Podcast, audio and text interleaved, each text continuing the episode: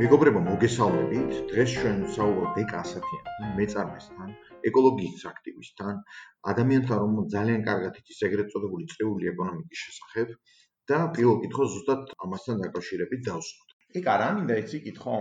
მე როგორც მესმის, შენი საქმიანობის და ფილოსოფიის ძირითადი პოსტულატი არის ეს ეგრეთ წოდებული წრიული ეკონომიკა. აჰა.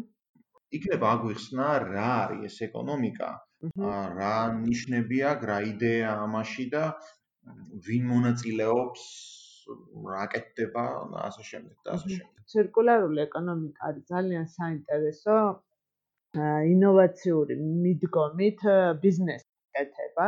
რაც გულისხმობს, რომ დღევანდელ დღემდე ბიზნესის კეთება იყო ესეთი სწორხაზოვანი, ანუ linear economy, რასაც ქვია, ამ პრინციპზე დაფუძნებული, რაც გულისხმობს იმას, რომ საქმეს როცა აკეთებ ან პროდუქტს როცა ქმნი, იღებ რესურს, ქმნი რაღაც ნივთს და შემდგომ მას მერე რაც შეიქმნება ეს ნივთი, უკვე პასუხისმგებლობას აღარ იღებ იმაზე თუ რა რა შედეგი დადგება ამ ნივთის გამოყენების შემდეგ ადამიანები როგორ მოიქცევიან. ანუ ამაზე უკვე პასუხისმგებლობა აღარ ცირკულარული ანუ წრიული ეკონომიკის პრინციპი არის ის, რომ როდესაც იღებ რაღაც რესურს, აკეთებ ნივთს, შემდგომ აუცილებლად ეს ნივთი უნდა უკან დააბრუნო. ანუ ის არავითარ შემთხვევაში არ უნდა გადააგდო.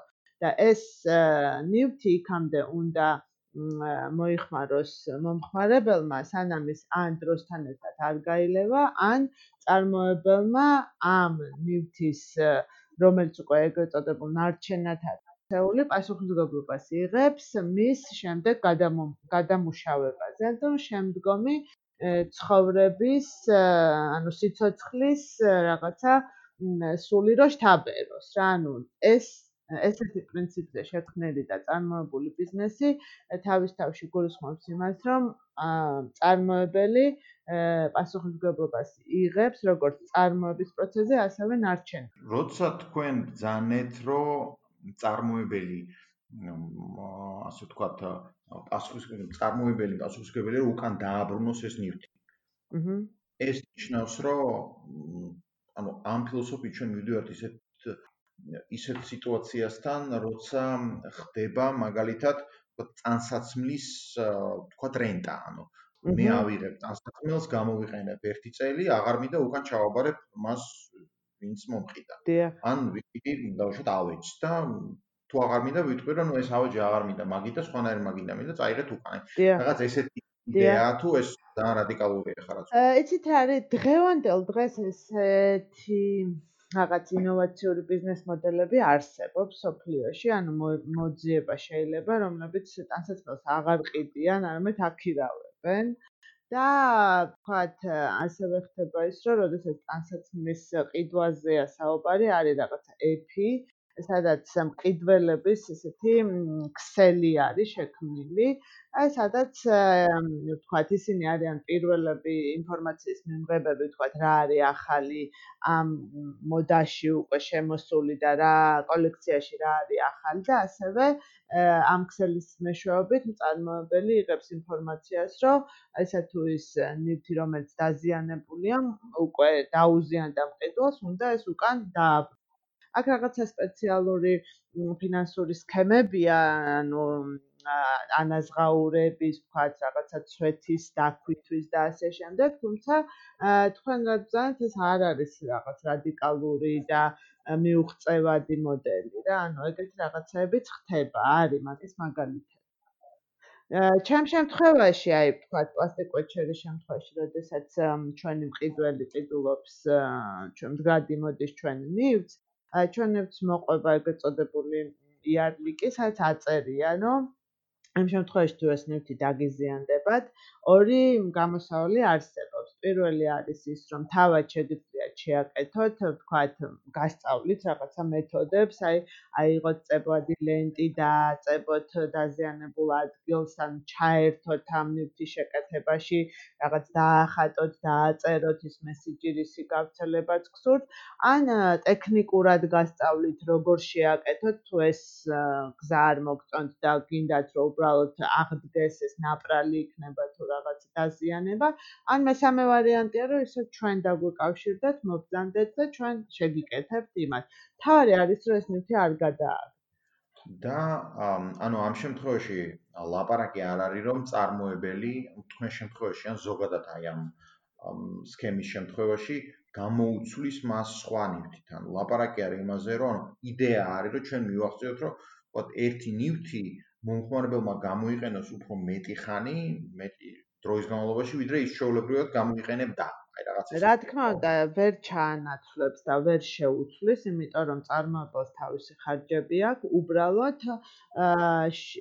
იბარებს უკან რაღაცა ალბათ ფასდაკლების სქემით ანუ რაღაცა ალბათ ისინი სპეციალური შეთავაზებებით შესაძლებელია რომ იყოს. რა თქვა ეხლა რაც მახსენდება ალი არის ფილიპსის ნატურების წარმოების თანამედროვე მიდგომა, ანუ ადრე თუ ნატურებს ყიდა ფილიპსი და დამთავრებული იყო ამათ ამით მათი პასუხისმგებლობა ამ თავისი საწარმოდან გასულ ნივთებზე, ეხლა ისინი ყიდიან ნატურებს და სერვის ერთად, ანუ ადამიანი მიწყიდულობს ნატურას და სერვის შემდეგ ნატურის დაზიანების შემთხვევაში სერვისი მოვა, წაიღებს ამ დაზიანებულ ნატურას, რაღაცა ახლით ჩაგინაცვლებს, რაღაც კონკრეტულ თანხას გადაგახთევინებს და ბიზნესი თვითონ გადაამუშავებს ამ დაზიანებულ ნატურას, ანუ ის ნარჩენად აღარ ტრანსფორმირდება.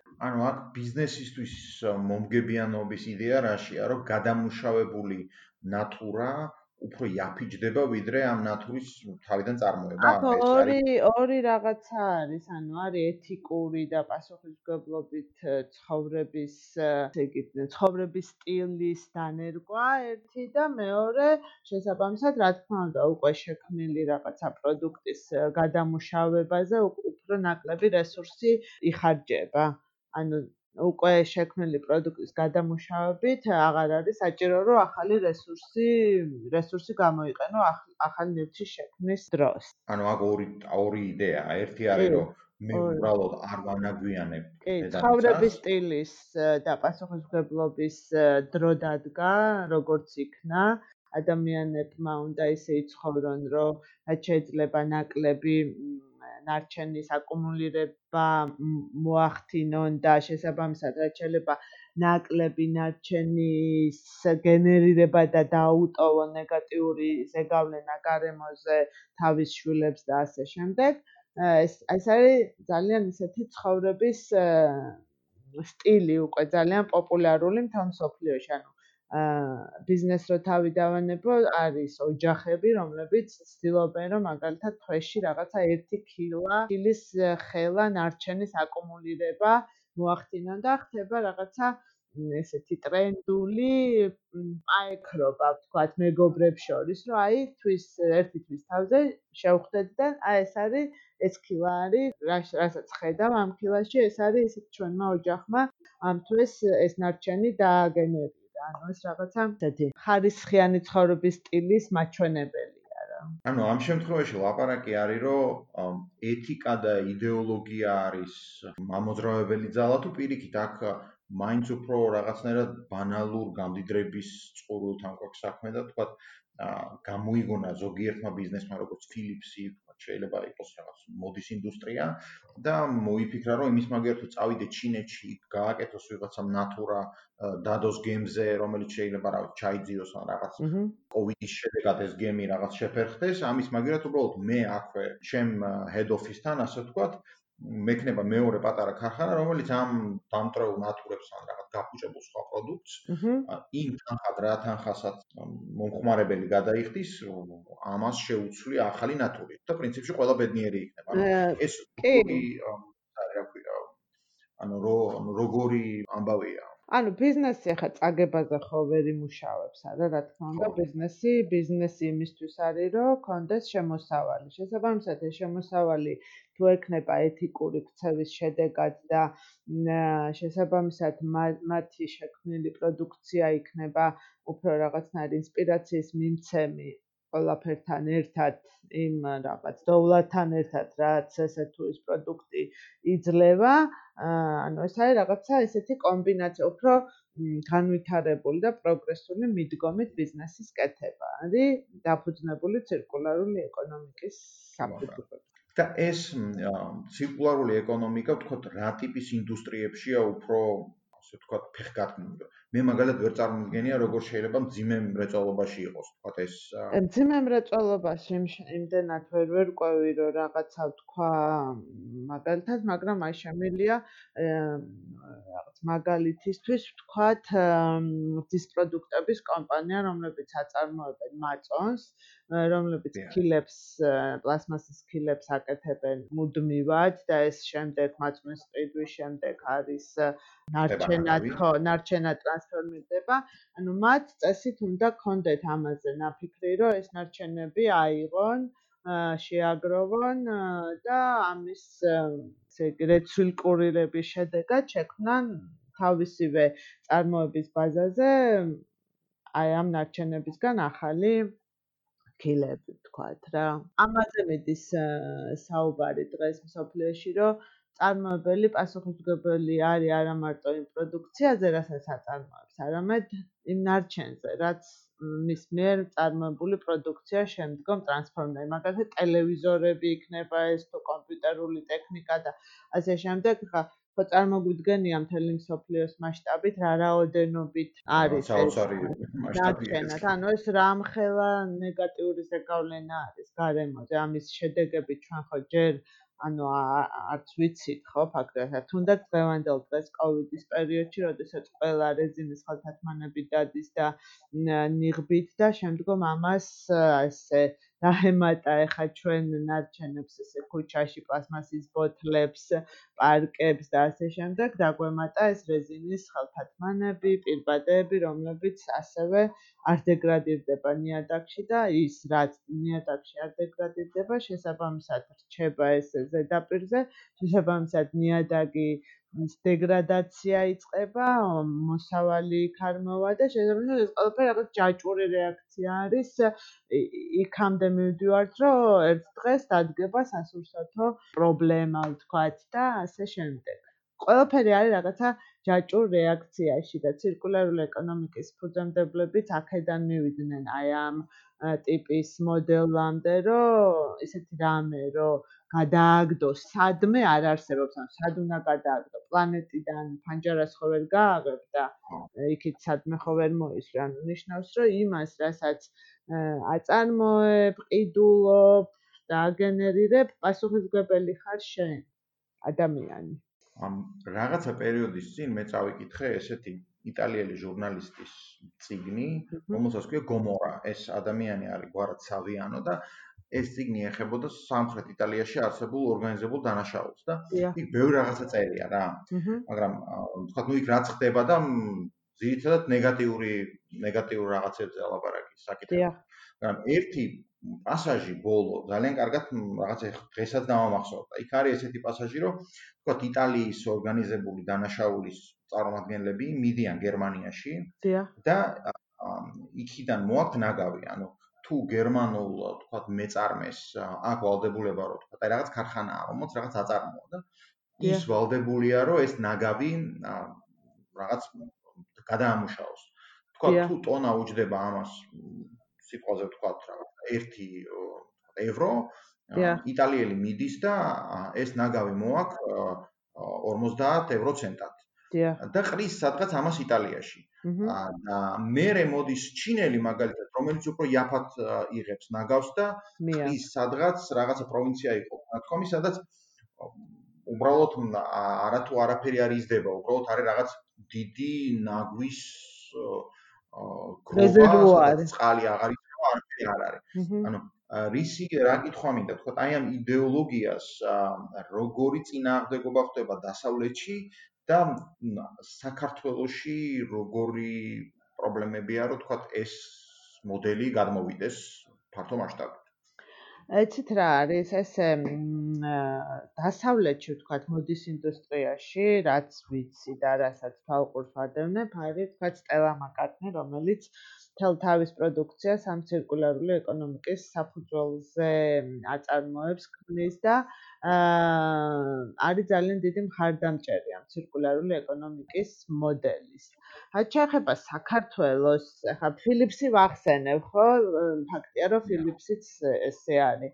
არის კიდე რაღაცა ესეთი ძლავრი ბრენდები, რომლებიც ბრენდები არა უკაცრავად, აი ძლავრი დიდარი ინვესტიცია ჩადებული კომპანიები, რომლებიც ექსპერიმენტებს აკეთებენ და რაღაცა პერიოდში ალბათ ეს ექსპერიმენტი რაღაცნაირ პროდუქტად ტრანსფორმირდება, აი მაგალითად როგორც არის სარეცხის მანქანა. ჩვენ ხო გვაქვს ყველას ოჯახში, აი ესეთივე ზომის დანადგარი შეიქმნება, რომელიც იქნება პლასმასის გრანულებად მქცევადი და შესაბამისად რაღაცა ახალი ნივთის შექმნა იქნება შესაძლებელი რა, ანუ ვიყიდით ჩვენ ეს ფორმის დანადგარ, სადაც ვთქვათ იმ პლასმასასაც მოვიხმართ თვის განმავლობაში ამ მანქანაში ჩავყრით, ეს მანქანა დააგრანულებს და ნუ თქვა შესაძლებელი იქნება ამ მანქანიდან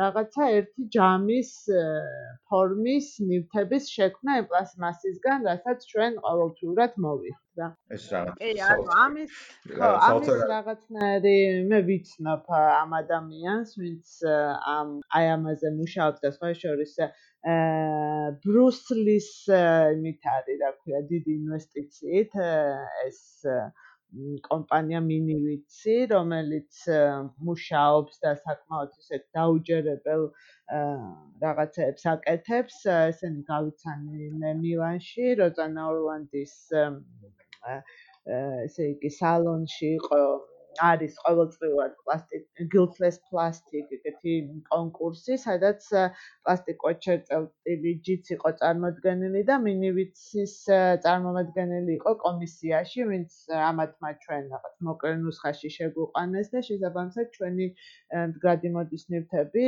იყო იქ წარმოდგენილი და შესაბამისად აქედან ვიცი და მაქვს კონტაქტი და გეგმებიც მაქვს მომავალში რომ მინდა მათთან ერთად თანამშრომლობა რაღაცა საინტერესო ინოვაციური პატარა სახელოსნოების გახსნა მინდა რეგიონებში, ანუ სადაც ადამიანებს დავასაქმებთ და ადამიანები შეეძლებენ იმ მოხმარებული საკუთარი პლასმასის შეგროვებით შექმნა სხვადასხვა ესეთი ნივთები, რა ჯამი იქნება თუ სანათი თუ თქვათ რაღაცა ფორმის ობიექტები ეს უკვე გემოვნების საკითხია რა ანუ რის თქმამდე ეს ყველაფერი მიღწევადია და შესრულებადია რა და რაც შეიძლება რაც შეეხება თქვენ კითხვას საქართველოსი ბიზნესის კეთებასთან დაკავშირებით თუ ფიქრობენ ამ კუთხით მე სიმართლე გითხრათ ჯერ არაფერი არ გამიგია მაგრამ ძალიან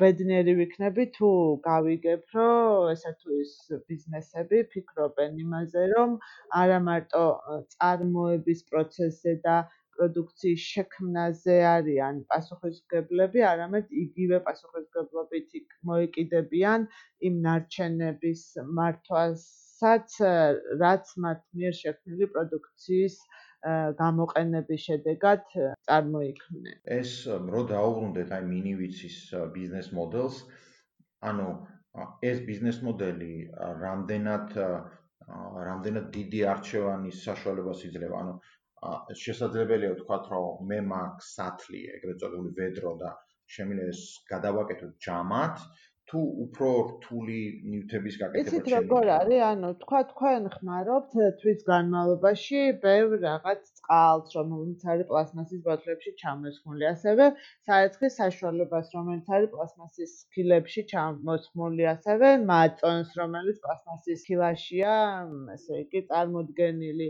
თქვათ ყიდულობთ ციციბურას, რომელიც პლასმასის შეფუთვაშია შეფუთული. ამ ყველაფერს აგროვებთ და შემდგომ მინივიცის ნუ ეხლა მინივიც აქვს თავისი დიდი ესეთი plant, რასაც ქვია უკვე შექმნილი. plant-ი როგორ არის ქართულად? ანუ ქარხა, პატარა მინი ქარხანა, სადაც თქვათ ისინი აი ამ ნარჩენებისგან ქმნიან თქვათ მას რა ქვია თეფშებს, ან ჯამებს, ან არ ვიცი, ან ქოთნებს, ან გააჩნია რა სურვილი გააქვს, მაგრამ ესეთი მინი ქარხნები, რაც ჯერჯერობით მინივიც აქვს ექსპერიმენტში, იქ რამოდენიმე არჩევანი არის, რა ვთქვა, შეიძლება სამი ნივთის წარმოება შეძლოს ამ ქარხანამ რა.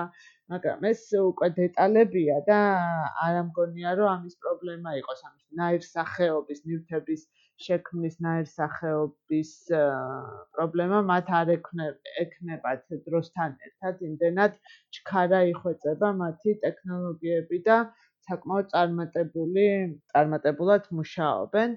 ეხა მაგალითად შექმნეს ესეთი ესიც ნარჩენებისგან საავადმყოფოს ნუ პალატა ამ კოვიდის პირობებისთვის რა, ანუ რომელიც ძალიან მალე შენდება ვთქვათ რა. ანუ შესაძლებლობები არის ულევი და სულ ამ დროს ხოლმე ასტრიდგენი მახსენდება, რომ ყველაფერს რასაც ხედავთო და ჩვენს გარშემო არისო, თქვა მან, რომ ოდესღაც ეს ყველაფერი ადამიანის წარმოსახვაში იბადება პირველად რა, ანუ რაც იბადება ადამიანის წარმოსახვაში, ანუ ეს ყველაფერი მიღწევადია და შესრულებადია, მე თუ მკითხავთ. ანუ ჩვენ ამ ტექნოლოგიის განვითარების ფონზე გვაქვს უდიდესი რესურსი, დიდი ნაგავსაყრელების სახით, რომელიც ანუ ქალკაცი და არავინ ჯერჯერ ყოს. ჩემთვის არის ცნობილი, რომ ვიღაცა ღელავს ეს ნაგავი. კი, ნამდვილად. აი დაუშვათ როგორც მეწარმე რომ შეხედო ამ სიტუაციას, იგივე ნარჩენებთან მიმართებაში რა შესაძლებლობებს ხედავ თქვენთვის ან სხვისთვის, რომელსაც უნდა რომ შეთ როგორც ბიზნესი აკეთოს, ასევე რაღაცნაირად ეკოლოგიური საკითხებიც მე თუ მკითხავ, თავი არის სურვილი რომ ეკოლოგიური საკითხი მოაგვარო. აი თუ ეს სურვილი გაგდეს გაწუხებს შემდეგ ბიზნეს მოდელად ამ ნარჩენების ქცევის ამ ნარჩენების ქცევა არ არის პრობლემა რა. აი ამ დროს მახსენდება სულ სადღაც 2003 წელს 5 წელს უბრალოდ მომწია რაღაცა პერიოდით ბერლინში ცხოვრება და პირველად ნარჩენების ესე იგი რაღაც მონეტარულ სტრუქტურა კი არა და მონეტარულ სისტემად გარდაქმნასთან იქ იქ პირველად შევეჯახე ამას. რაც გულისხმობს, რომ თქვათ ის ბოთლები, რასაც ყიდულობდით პლასმასის ბოთლებს, შეგვეძლო სუპერმარკეტში არსებულ ასეთ მასში რა ქვია, დანადგარში ჩაგვეყარა, ეს დანადგარი გვაძლევდა ვაუჩერს, რომელიც მე ამ სუპერმარკეტში შეგეძლო გაგენახდებინა რა. ანუ ის ვინც ამ ბიზნეს მოდელით მუშაობდა დარწმუნებული ვარ ამ ემებს რა ქვია პლასმასის ბოთლებს მე გრანულებად აქცევდა ზო აქედან მე ან რაღაცა ახალი ისინი მილები იქმნება ან 1000 რაღაცა. ხო პლასმასი მთლად ესე უვარგისი ხო არ არის სერიოზული რესურსია ვთქვათ ჯანდაცვის სფეროსთვის, თქვათ, 1000 პოზიტიური ცვლილებაც მოუტანია ჩვენთვის, მაგრამ აქ საუბარია იმ პლასმასის ნარჩენზე, რაც ესე რჩება გარემოში, ხო?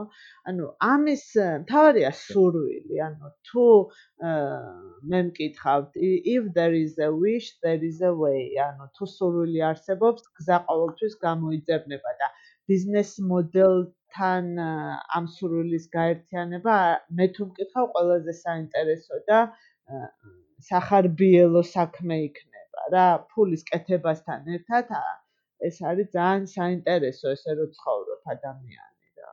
ნამდვილად. მე მგონი ძალიან საინტერესო საუბარი გამოგვივიდა. მე ყოველ შემთხვევაში დავიწყებ ამ იდეების პროპაგანდას ჩემ გარშემო და იმედია რომ ეს დაეხმარება იმ ღონისძიებებს, რომელსაც შენ აღწევ. ძალიან დიდი მადლობა. მიხარია თუ ესე ჩათვალეთ, რომ საინტერესოა ეს ჩვენი საუბარი.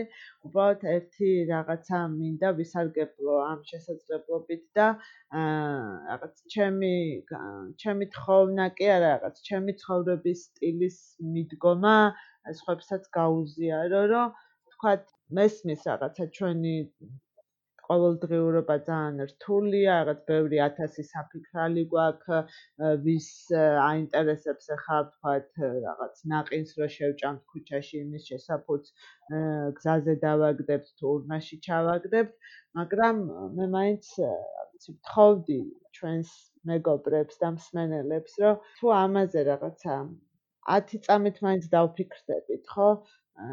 ჩვენს მიერ შექმნილ და გენერირებულ ნეგატიურ კვალს გარემოზე მნიშვნელოვნად შევამცირებთ და ეს იქნებოდა ჩემი დიდი თხოვნა.